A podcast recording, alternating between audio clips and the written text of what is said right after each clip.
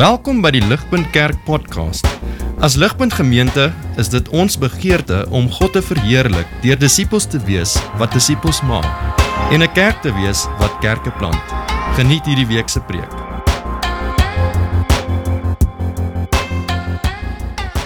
Vanoggend sonder skaamte wil ek julle vat na my favourite superhero toe.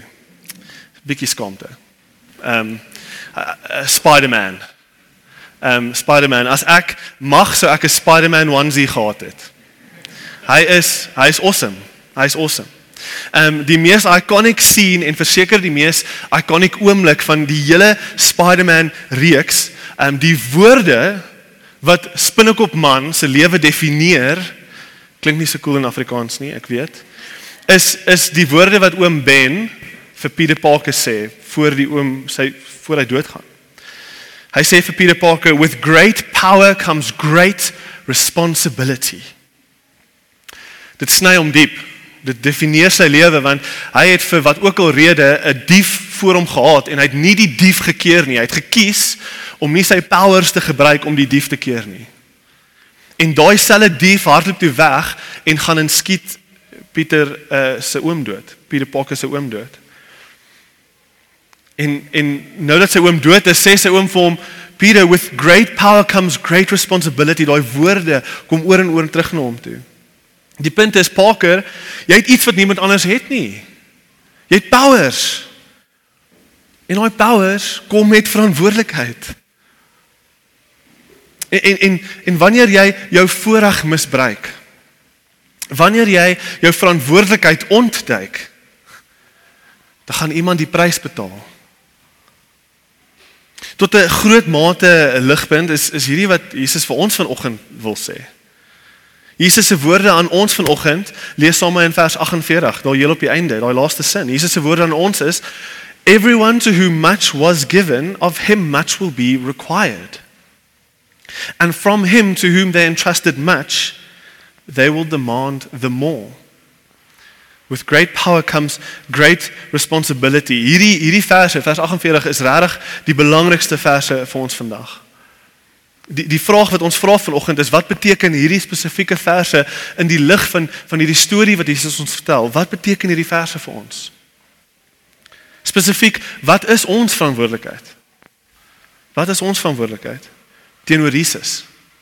Wat is sy verwagting van ons? Nou soos ons uh, hierdie uit gaan pak, ehm um, wil ek vir julle vra hou julle blaadjies by julle want I'm just the messenger, okay. Don't shoot the messenger. Hou julle blaadjies byderhand, sien dis God se woord, dis nie my woord nie. En, en die struktuur gaan ons baie help want dis 'n dis 'n tricky teks. Dis 'n tricky teks en die struktuur gaan ons baie help. So ons gaan ons gaan so deur die teks werk. Ons gaan eers kyk na die konteks en laasweek se boodskap en hoe hierdie aansluit by wat voorheen hier gesê was en dan gaan ons kyk na twee punte. Punt 1 rentmeesterskap. Groot Afrikaanse woord vir my. OK. Ehm um, rentmeesterskap, stewardship. Punt nommer 1. En dan gaan ons kyk na die tweede punt, verantwoording. So ons gaan kyk na konteks, rentmeesterskap en verantwoording. Die konteks laasweek het ons gesien, uh het Poen vir ons gepreek oor vrygewigheid en wysheid. En die groot punt daar was dat ons nie moet opgaar en opgaar en opgaar en groter en groter skure bou nie. Uh, Lukas 12 vers 18 in die teks wat net voor hierdie teks kom. Ons het gepraat van 'n ballon mentaliteit en 'n beker mentaliteit.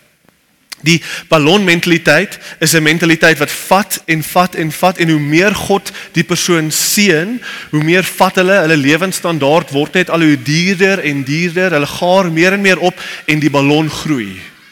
Die ballon groei net heeltyd. Teenoor 'n 'n beker mentaliteit uh, sê jy mag skure hê, jy mag skure, jy moet opspaar, jy moet slim wees met jou geld, jy mag omsien vir jou lewe se behoeftes, maar ons is 'n beker. Uh, ons trek 'n duidelike lyn in die sand en ons sê ons koop nie in die leen van materialisme nie. Ons koop nie in nie. Alles wat God my mee seën, ek weet wat ek nodig het. Ek trek 'n lyn in die sand. Ek weet dis genoeg. En die res van die seënings van God wat vir my lewe gee, dit vloei oor die beker. Dit vloei oor die beker, dit loop uit. En dit word gegee aan God in die bou van sy koninkryk. Die oorvloed van my lewe word gegee om die gebrokenheid van die wêreld aan te spreek. Om hierdie wêreld 'n beter plek te maak. Ons kry dit uit Lukas 12 vers 31 van laasweek se teks. Seek seek first his kingdom. So die oorvloed van ons lewens word nie net toegewy aan wat ook al nie, dit word spesifiek toegewy aan die Here. Seek first his kingdom. Dis laasweek. Nou, vanoggend praat Jesus nog steeds. Hy's nog steeds aan die woord. En in ons teks vat hy die hierdie hierdie lering net 'n stapie verder. Dis dieselfde eintlik dieselfde boodskap. Hy gaan net nog verder. Hy hy, sê hy sê uh, hierdie is vrygewigheid en wysheid part 2. Jesus hou aan om te verdedig hoekom 'n beker mentaliteit van lewe, die vrygewige manier van lewe, hoekom dit wys is. Hy hou aan om daai daai teses te te te verdedig. Laasweek het uh, Jesus ons oë gerig na die motiverings hier op aarde wat ons maak wil opgaar. Ons vrese, ons is bang, ons is angstig. Ons is bang vir kos en klere, so dis hoekom ons opgaar, nê? Hy het gesê moenie dat jou vrese jou dryf om te wil opgaar nie. Dis nie dis nie wys nie. Vertrou God die Vader, hy weet wat jy nodig het en hy sal vir jou sorg. Vers 29 en 30. The Father knows that you need these things. Maar hierdie week vat hy ons oë weg van die hier en nou af. Hy praat nie meer oor ons vrese en ons motiverings hier nie. Hy lig ons oë op van die hier en nou af na die daar en dan toe. Jesus wil ons wys hoekom die vrygewige lewe spesifiek wys is in die lig van wat kom. Die ewigheid. Die ewigheid. So as ons dink aan beleggings, wat is die hoogste return wat ek kan uitkry, die grootste uitbetaling vir die lewe wat ek nou hier lewe? Jesus se punt is, wysheid sê die toekoms moet my huidige prioriteite bepaal sodat ek die hoogste uitbetaling kan kry. En hierdie bring ons dadelik direk na die na die eerste punt toe, rentmeesterskap. Rentmeesterskap. Wat gaan hier aan? In in hierdie eerste blok van die teks en eintlik regdeur uh, beskryf Jesus oor en oor en oor die geloofslewe in terme van rentmeesterskap, stewardship Hy hy hou aan om hierdie prentjies vir ons te gee om die punt te maak dat alles wat ons het is aan ons geleen. Alles wat ons het is aan ons geleen. En die meester, die eintlike eienaar van alles wat ons het, hy is tydelik weg. Maar terwyl hy weg is, het hy aan ons alles wat hy het toevertrou. Jesus heg prentjies bymekaar. Hy hy, hy vlieg so alles prentjies van rentmeesterskap, maar hy heg hulle bymekaar. Vers 35 sê hy stay dressed for action, keep your lamps burning. Vers 36 be like men who are waiting. Ons wag heeltyd vir iets. Ons wag heeltyd vir iets. Waarvoor wag ons? Die meester is gou by 'n troue. Troues in hierdie tyd kon weke lank duur. En die meester wil nie terugkom na huis toe en dan's al die deure gesluit en hy kan nie in sy eie huis inkom nie. Nee nee nee. Wees soos men who are waiting wanneer hy klop, maak ons oop want dit is sy huis. Ons is reg vir hom. Ons is reg vir hom. Die die prentjie hier van vers 35 stay dressed for action um, is letterlik in die Grieks is dit letterlik trek jou lang kleed aan, jy weet daai lang kleed wat hulle dra. Dis letterlik trek daai lang kleed op en bind hom vas en maak 'n kort broek. Maak vir jou kort broek want jy's nou besig, jy moet werk. Hierdie is jou werksklere, hierdie is nie jou vakansieklere nie. Stay dressed for action. Jou kleed kan nie heeltyd aan jou bene vashak terwyl jy rondhardloop vir die meester nie. Hierdie is werksklere wat jy aan het. Vers 38 gaan verder. If he comes in the second watch or the third watch and he finds them awake, blessed are those servants.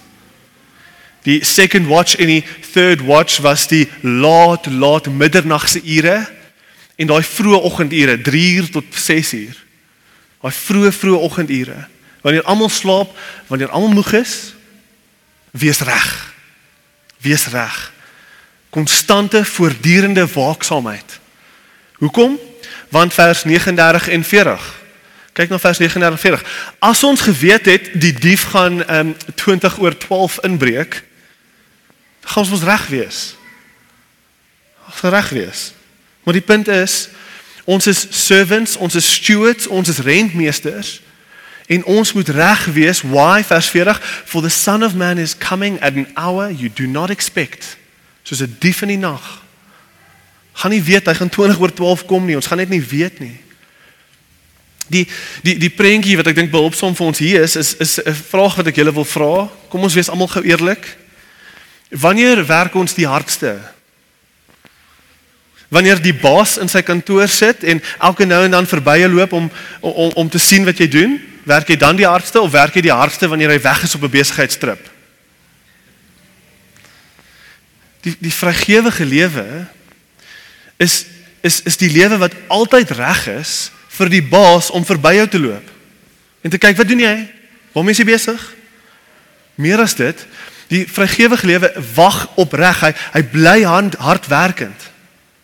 Hy is net so besig wanneer die baas weg is, soos asof die baas oor sy skouer gekyk het. Dis die vrygewige lewe.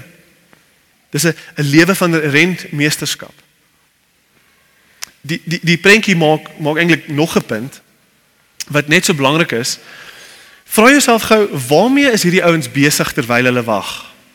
So as ek as ek nou by baas kyk oor my skouer en ek tik nou op my Excel spreadsheet, wat is die werk wat ek doen? Dis die vraag. Wat doen hulle? Wat is die werk waarmee hierdie ouens besig is terwyl hulle wag? Kyk na vers 42 en 45. Dit beskryf vir ons 'n uh, twee dienaars wat wag vir die meester om terug te kom. Dis die faithful and wise, hy bestuur die household vers 45 to give them their portion of food at the proper time. En dan is daar die ander dienaar vers 45. Hy sê my master is delayed in coming and he begins to eat or, or, or to beat the male and female servants and to eat and drink. So in plaas van om die kos te gaan uitdeel vir elkeen wat moet, vat hy die kos vir homself. Hy eet dit en geniet dit en kuier. So Jesus skets hier 'n prentjie waar waar die een wat nie reg is nie, die een wat nie reg is nie, die een wat nie reg wag nie, hy's die een wat lewe asof daar geen meester is nie. Dis weer die taal van van laasweek, eat and drink and get drunk. YOLO You only live once. Lewe nou en lewe goed want niks maak verder saak nie. Lekker lekker. Niemand hou my accountable vir hoe ek die asem wat aan my gegee is bestuur nie. Niemand gaan van my tyd en my geld en my gawes en my prioriteite kom eis nie. Ek kan maak wat ek wil. YOLO. Hierdie persoon is nie reg nie. Hierdie persoon is nie reg nie. Sy lampie brand nie en hy het nie sy werksklere aan nie. Hy het nie sy kortbroek aan nie. OK? Hy lewe die teenoorgestelde van die vrygewige lewe. Want hy lewe nie in die lig van die einde nie. Hy lewe nie in die lig van wat kom nie. Hy lewe asof alles syne is. En om die punt nog duideliker te maak, kyk ons weer na vers 42, the faithful and wise servant Hy hy hy vat nie daai kos vir homself nie. Hy gee dit. Hy doen hy doen met die kos wat met die kos gedoen moet word. Hy gee dit uit aan al die ander dienaars in die huis. Hy hy bestuur die huis. Hy lewe en hy vra homself heeltyd, as die meester nou moet kom, waarmee gaan hy my vang? Waarmee gaan hy my vang? Waar, waarmee gaan ek besig wees? Hy lewe 'n lewe asof daai lewe geleen is aan hom. En so om om die vraag duidelik te beantwoord, waarmee is hulle besig? Wat se werk doen hulle? Wat se werk doen hulle? Readiness. Okay, readiness is gelyk aan.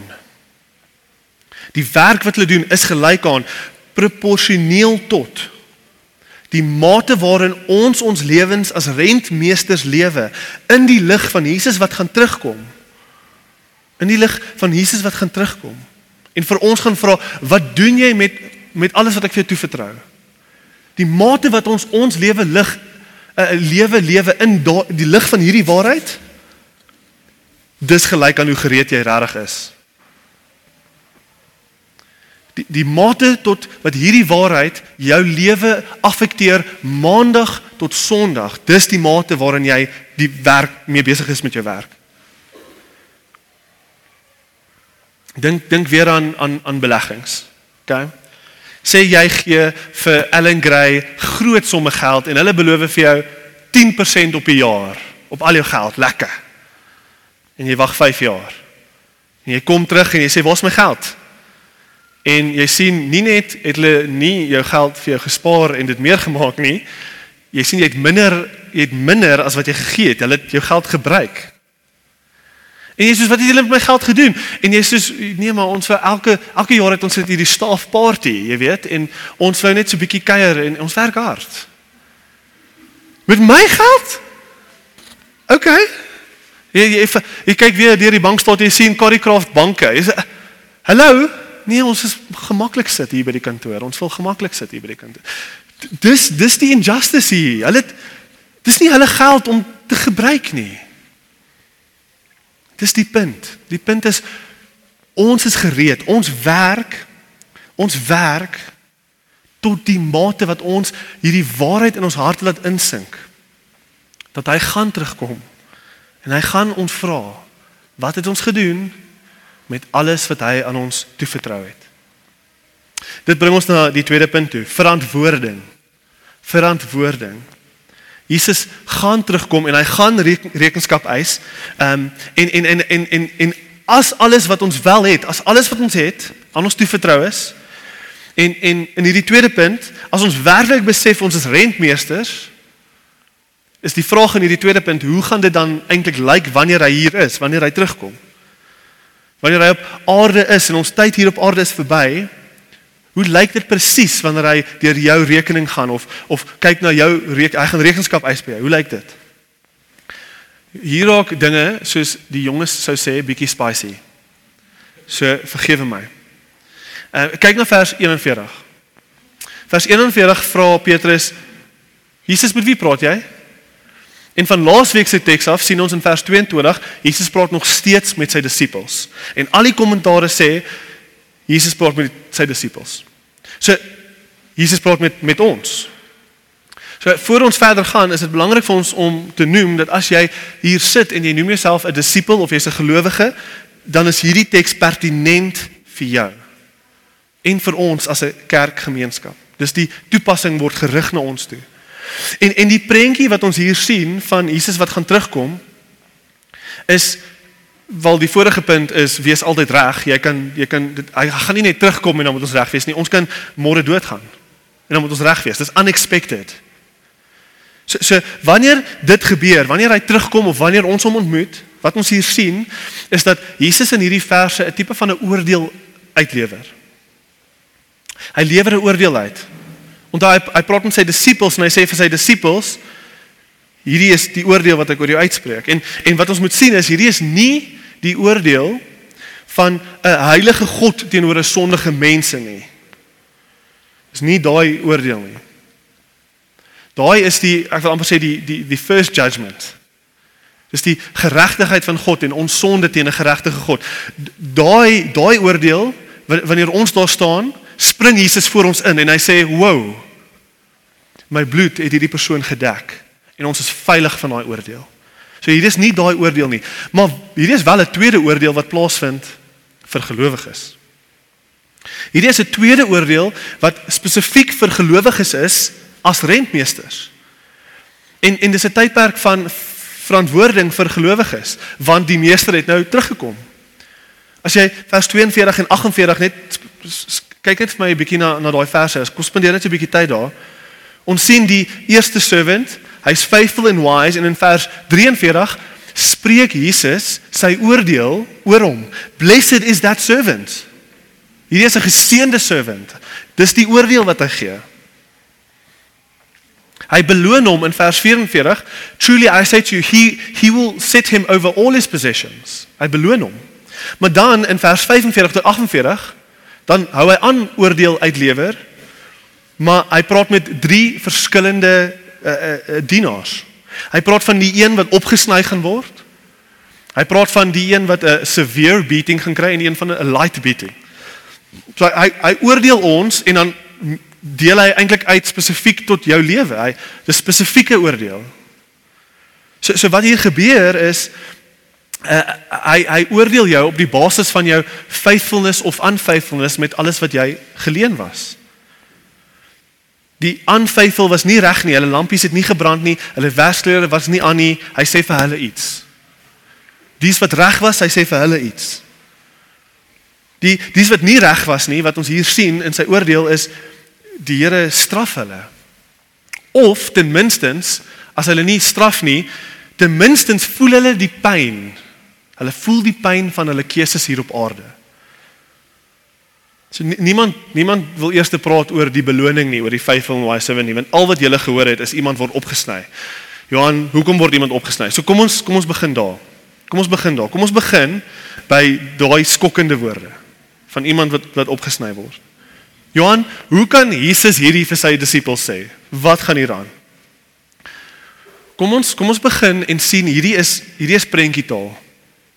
Hierdie is prentjietaal. Dis dis nie bedoel om letterlik opgevat te word dat iemand opgesny gaan word nie. Dis Ou Testamentaal. Dis die oordeel van God.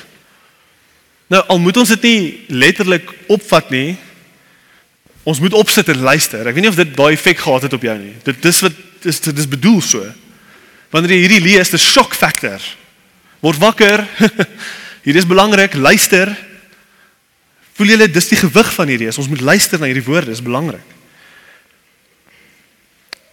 Verder, wanneer Jesus ons van ons rentmeesterskap gaan oordeel, sien ons in hierdie teks, hy gaan drie mense kry. Hy gaan die beledigende dienaar kry. Die abusive servant. OK? Beledigende, nommer 2 gaan hy die onverskillige kry. Hy gaan the indifferent ou kry. Huh, ek gee nie regtig om nie. Die onverskillige, the indifferent. En derdens gaan hy die onkundige dienaar kry. Die onkundige ignorant. Hy hy weet nie regtig wat aangaan nie. Dis die dis die drie tipes dienaars wat hy kry. En Jesus praat in hierdie kategorieë soos wat hy sy oordeel uitlewer. Die eerste dienaar, die een met die skokkende taal, hy's die abusive een. Hy is hy is so ontrou soos wat ontrou kan ontrou wees. Die oordeel vir hierdie ou is die hardste en met goeie rede. Die disipel is nie regtig 'n disipel nie. Ek weet nie of julle dit sien nie. Maar hy het geen verskoning nie. Op die basis van die ignorant, as hierdie ou nie geweet het nie, sou hy nie so erg gestraf geword het nie. Dis die derde persoon. Maar duidelik weet hierdie ou alles wat hy moet weet want hy word gestraf asof hy geen verskoning het nie. So so hy hy hy is die tipe ou wat dalk in die kerk sit. Hy is die tipe ou wat hy weet alles, hy hoor alles, hy ja en amen op alles. Hy sit dalk sy beste voetjie voor, hy sit self sy 100 randjie in die kollektebakkie. Hy weet alles wat hy moet weet, hy het geen verskoning nie.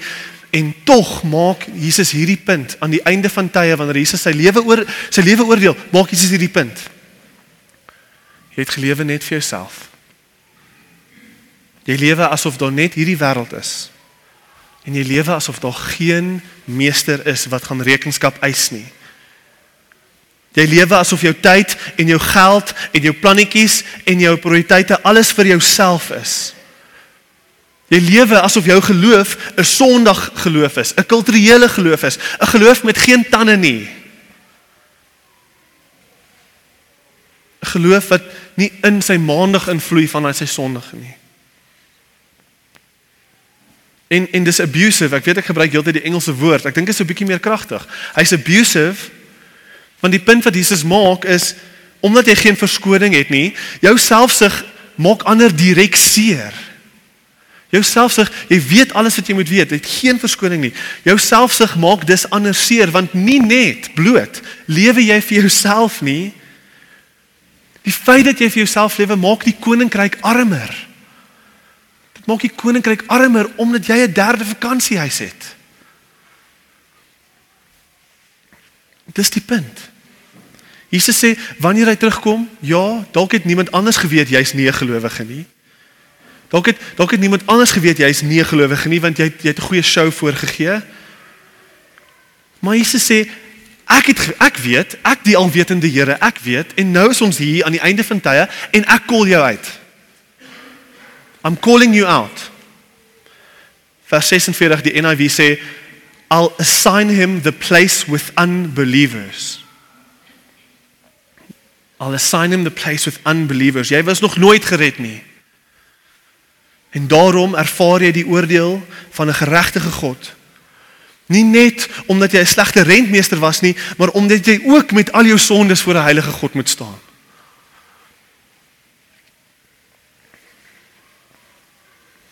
Kom ons praat vinnig oor die tweede en derde dienaars.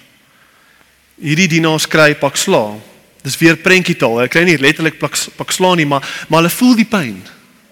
Hulle voel die pyn van hulle keuses hier op aarde. Een erger as die ander ene.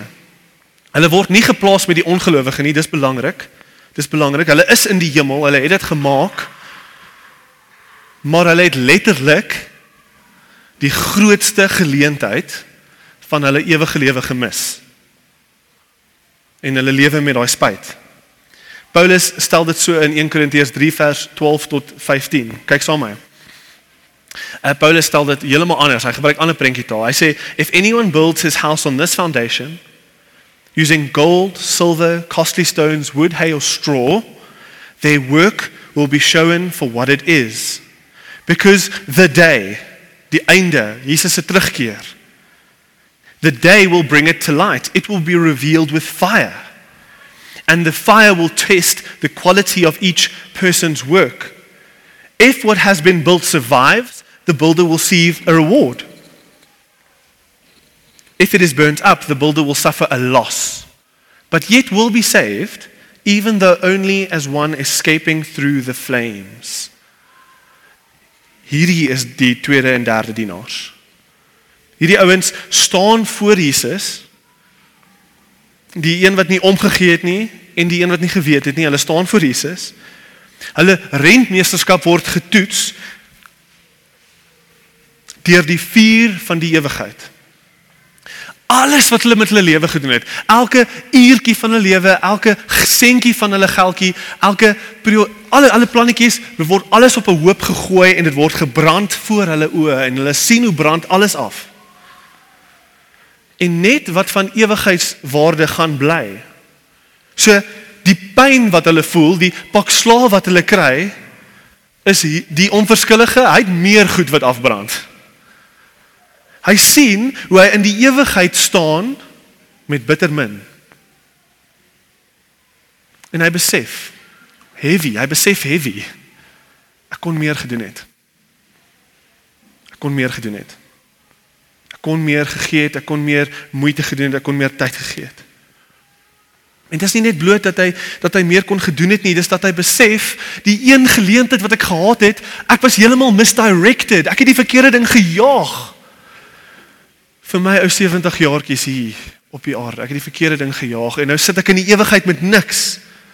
Al ten minste nie niks nie. Hy is gered. Hy is daarom gered. Hulle het hulle vlek hulle hulle hulle geld op die verkeerde plek geïnvesteer. Hulle het hulle tyd in die verkeerde goed belê. Randy Alcorn het 'n uitstekende boek um, money possessions and eternity. Um en ek het vir ons 'n soos 'n hoendervleis quote gaan kry.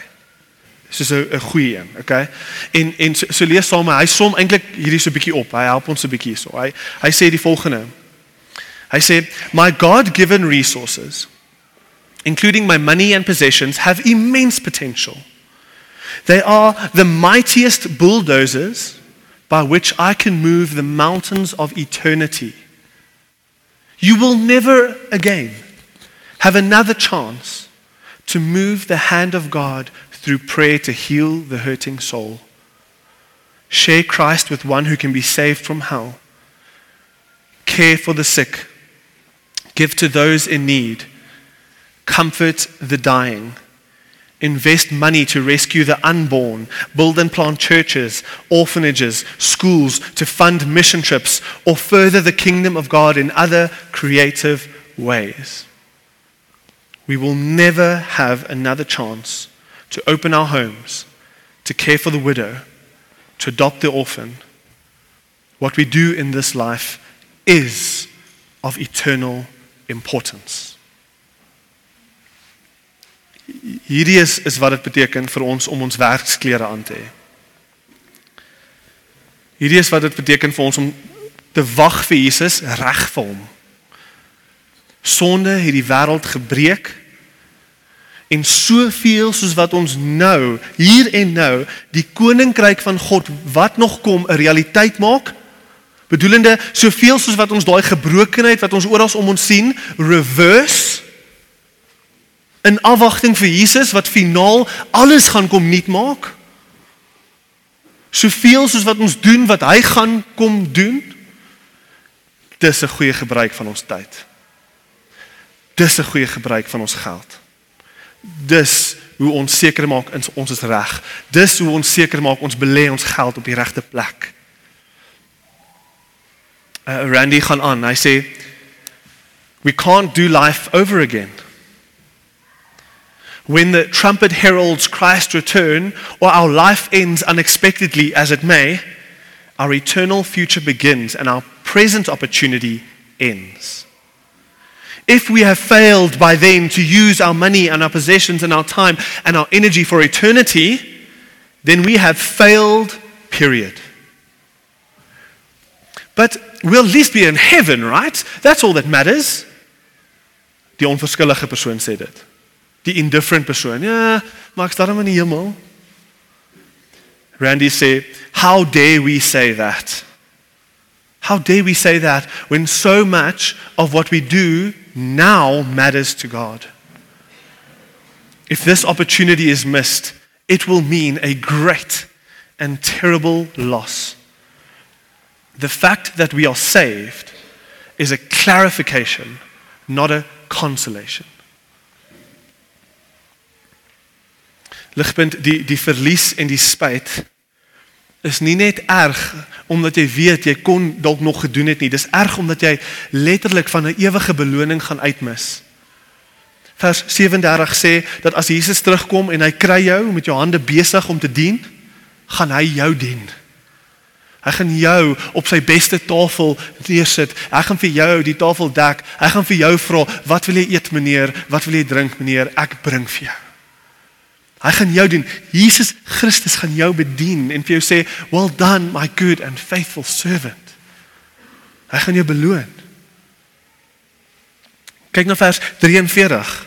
Truly I tell you, as Jesus jou kry en jy's besig met jou hande jy werk, truly I tell you, he will put him in charge of all his possessions. Hierdie is promotion taal.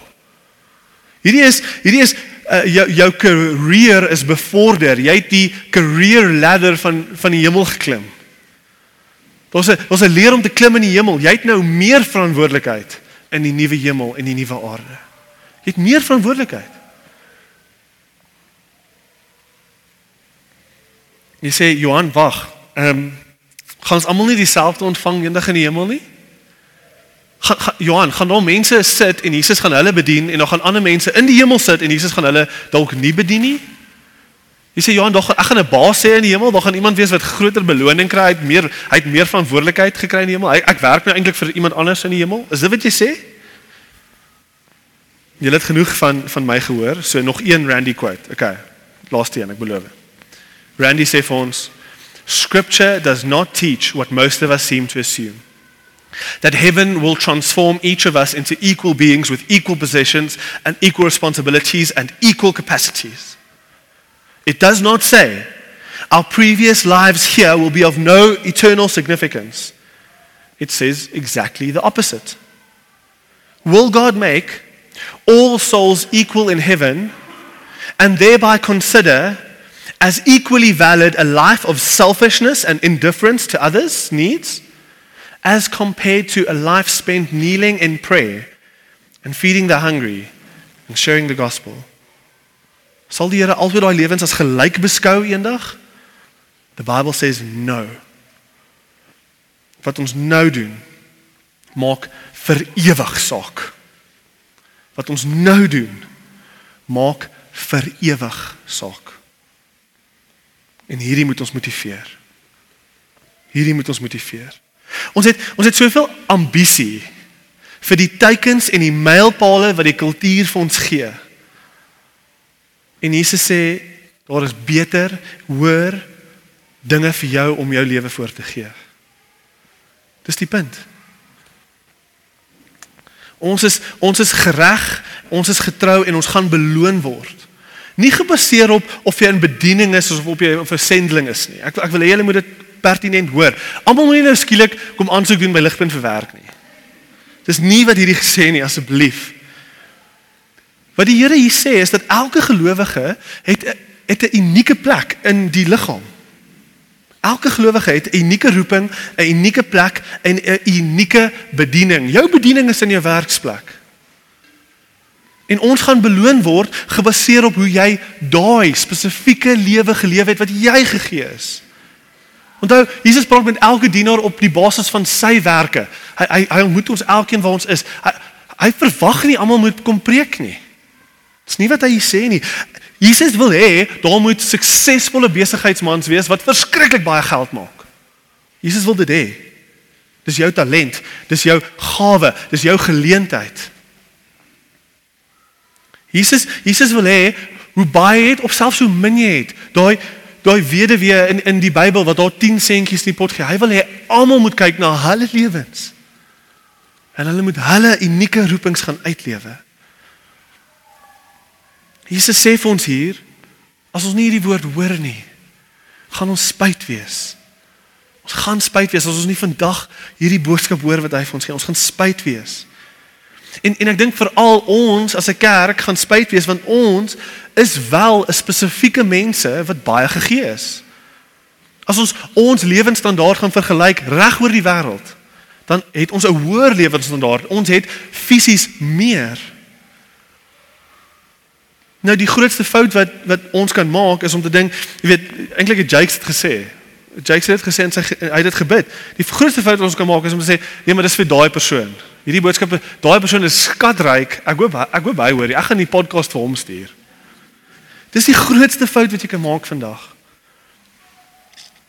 Maak nie saak wie jy is nie.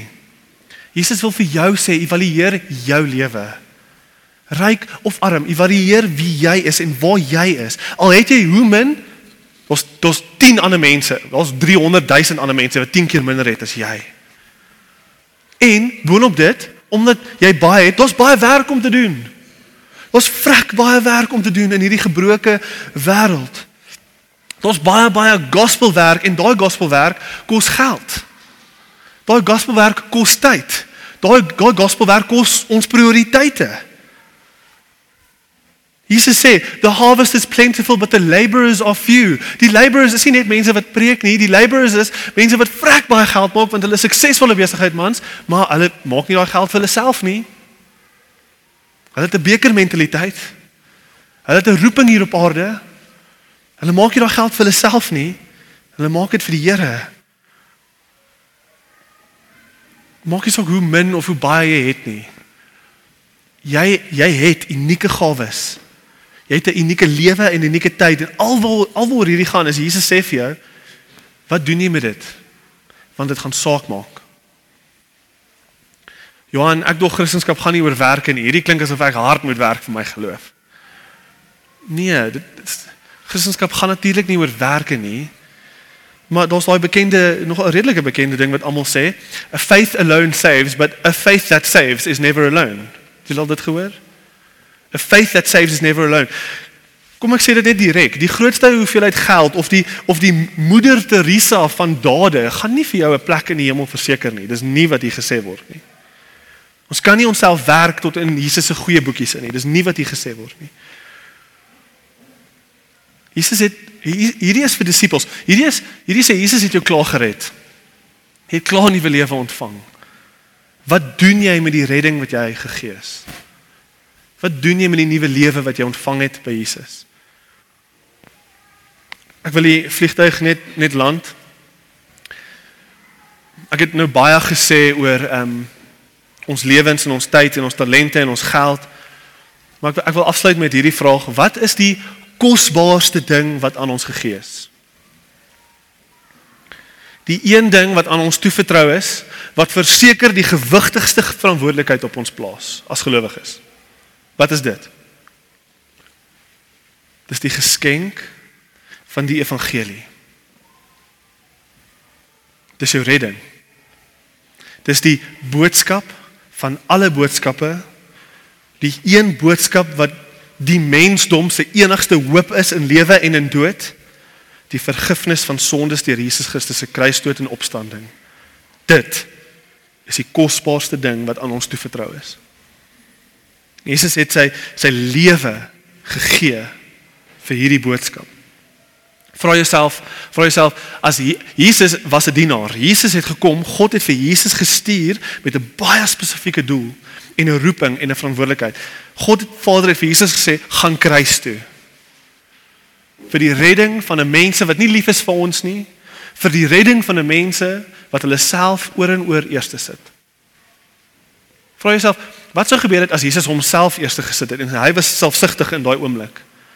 Wat sou gebeur het as Jesus selfsugtig was in sy rentmeesterskap? Wat sou gebeur het? Daar sou nie een kerk gewees het vandag nie. Sou nie een, daar sou baie godsdiens gewees het, koue, leë religiosity, baie af daarvan gewees, maar sou nie een werklike kerk gewees het nie.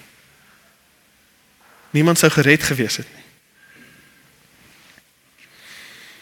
Voor voor Jesus jou enigstens iets gaan vra. Hy gaan jou daaroor vra, maar voor hy jou gaan vra oor jou geld of jou tyd of jou prioriteite of of jou unieke roeping en jou unieke like, voor hy jou enigiets gaan vra oor daai goed, beloof ek vir jou. Hy wat sy lewe gegee het vir hierdie boodskap gaan jou vra daaroor. Hy gaan jou vra, "Hoe het jy die boodskap bestuur wat ek vir jou gegee het? Hoe het jy daai ding bestuur wat vir jou nuwe lewe gebring het?" En die punt is gelowige, die punt van die hele teks is die punt van die hele teks is with great power comes great responsibility. Jou lewe is uniek geplaas presies waar die Here jou wil hê. Hoor dit vanoggend. Hoor dit vanoggend. Die Here het jou spesifiek daar waar hy jou wil hê met die gesag en die geld en die talente. Alles is daar om wat te doen, om hierdie boodskap te versprei. Alles wat ons het behoort gebruik te word vir hierdie een boodskap wat hy gaan ons daaroor vra. With great power, with great privilege, with great salvation comes a great responsibility. So ligpunt. Kom ons wees 'n kerk wat verantwoordelikheid vasvat. Kom ons wees 'n kerk wat se radikale vrygewigheid golwe stuur reg deur Pretoria wat koppe laat draai reg deur Pretoria en wat se golwe selfs verby Pretoria vloei tot in die ewigheid in. Kom ons wees daai kerk. Amen. Kom ons bid saam. O magtige God, ons bely ons skiet kort. En opnuut prys ons U vir die genade van Jesus Christus wat altyd in ons plek instaan. Maar liewe Heer, mag ons die gewig van u woorde hier voel. Mag ons die gewig van hierdie teks voel. Mag dit ons challenge om veranderd hier uitgaan. Heilige Gees kom doen nou daai spesifieke en unieke werk wat net jy kan doen om ons harte te roer presies soos wat dit geroer moet word. Doen daai werk Heilige Gees in die naam van Jesus Christus bid ek alleen. Amen. Vir meer inligting oor Ligpunt Kerk, besoek gerus ons webwerf op www.ligpunt.com of kontak ons gerus by info@ligpunt.com